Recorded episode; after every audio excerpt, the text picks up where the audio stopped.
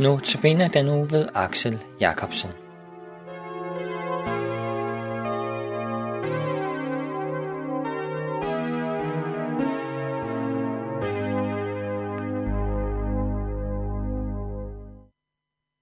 Vi hørte sangen O store Gud, når jeg med undren skuer, sunget af Primus og solist er af Andersen. Indledningsvis vil jeg læse salme 8, som står på side 483, og den lyder, Herre, hvor Herre, hvor herligt er dit navn over hele jorden. Du som bredte din pragt ud på himlen. Af børns og spædes mund har du grundlagt et værn mod dine modstandere. For at stanse fjender og hævngærige. Når, du, når jeg ser din himmel, dine fingres værk, månen og stjernerne, som du satte der, hvad er der et menneske, at du tager, husker på det? Et menneskebarn, at du tager dig af det? Du har gjort det kun lidt ringere end Gud. Med herlighed og ære har du kronet det. Du har gjort det til hersker over dine hænders værk. Alt har du lagt under dets fødder. For og okser i mængde, selv de vilde dyr, himlens fugle og havenes fisk, dem som færdes af havenes stiger. Herre, hvor herre, hvor herligt er dit navn.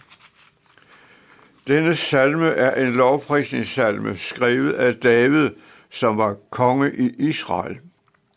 Salmen slutter, som den begynder, nemlig, hvor herre, hvor herligt er dit navn over hele jorden. David havde evnen til at undre sig over skaberværket. Han ser himlens myriader af stjerner og lovpriser Gud for den pragt, der er bredt ud over himlen og jorden. Han udbryder da, når jeg ser din himmel, dine fingers værk. Hvad er der et menneske, at du husker på det? Han føler sig i sammenligning med det store univers blot som et støvgræn i denne verden. Han undrer sig over, at Gud tager sig af ham. Kan den Gud, der har skabt alt dette, overhovedet have interesse i mig, lille menneske? Sådan tænker også mange mennesker i dag. Det er måske med større ret, vi kan tænke sådan i dag, hvor vi har teleskoper, der kan nå så langt ud i himmelrummet som aldrig før, og man har endnu ikke nået ud til universets grænser.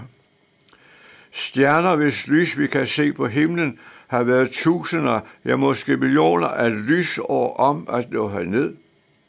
Det burde mane os til ydmyghed. Profeten Esajas siger sted, folkene er som dråber i en spand. De regnes som støv på vægtskåle. De fjerne øer vejer kun som fnuk. Trods alt dette ved David, at han og alle mennesker er skabt i Guds billede, skabt til at tilhøre ham.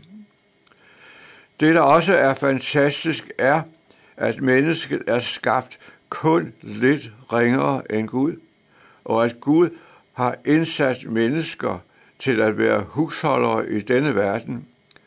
Gud har givet os evnen til at herske over hans hænders værk. Så kan man spørge, hvordan vi så har forvaltet denne opgave. Ser vi os omkring, må vi konstatere, at meget af den rigdom, naturen rummer, ikke kommer alle mennesker til gode. Vi har ikke været de bedste husholdere. Hvad man også kan undre sig over, er, hvad der sker hvert eneste forår. Hvordan livet pibler op af jorden, hvordan træernes nøgne grene og ganske kort tid står friske og grønne. Hvordan det såede korn og urter spyrer frem, og hvis frugt tjener til føde for både mennesker og dyr. Det er i sig selv et mirakel, at et frø, der i lang tid har ligget i en frøpose, når det under de rigtige betingelser bliver lagt i jorden, der spiger og gror og bliver til netop det, det er bestemt til. Ja, i sandhed, der er mange mirakler i naturen, vi kan undre os over. Men under over alle under er dog, at den Gud, der skabte det alle sammen, kender hvert menneske på jord. I salme 33 står der, at han i agt tager alle mennesker på jorden. Han giver agt på alle deres handlinger. Hans øjne hviler på dem, der frygter ham, og som venter på hans godhed. I parentes bemærket, den frygt, der her tales om, kan også oversættes som ærefrygt. Gud ved, at vi mennesker ikke af os selv kan finde vej til ham. Derfor har han givet os sit ord, Bibelen, hvor han ved Helligånden åbenbarer sig for os og forkynder, at vi gennem troen på Jesus, hans korsdød for os, har vores sønders forladelse, evigt liv og borgerret i hans rige. Vi takker dig, o himmelske far, fordi du kender hver sjæl på jord. Du har skabt alle hjerter, og at du har en plads til os i dit rige. Amen.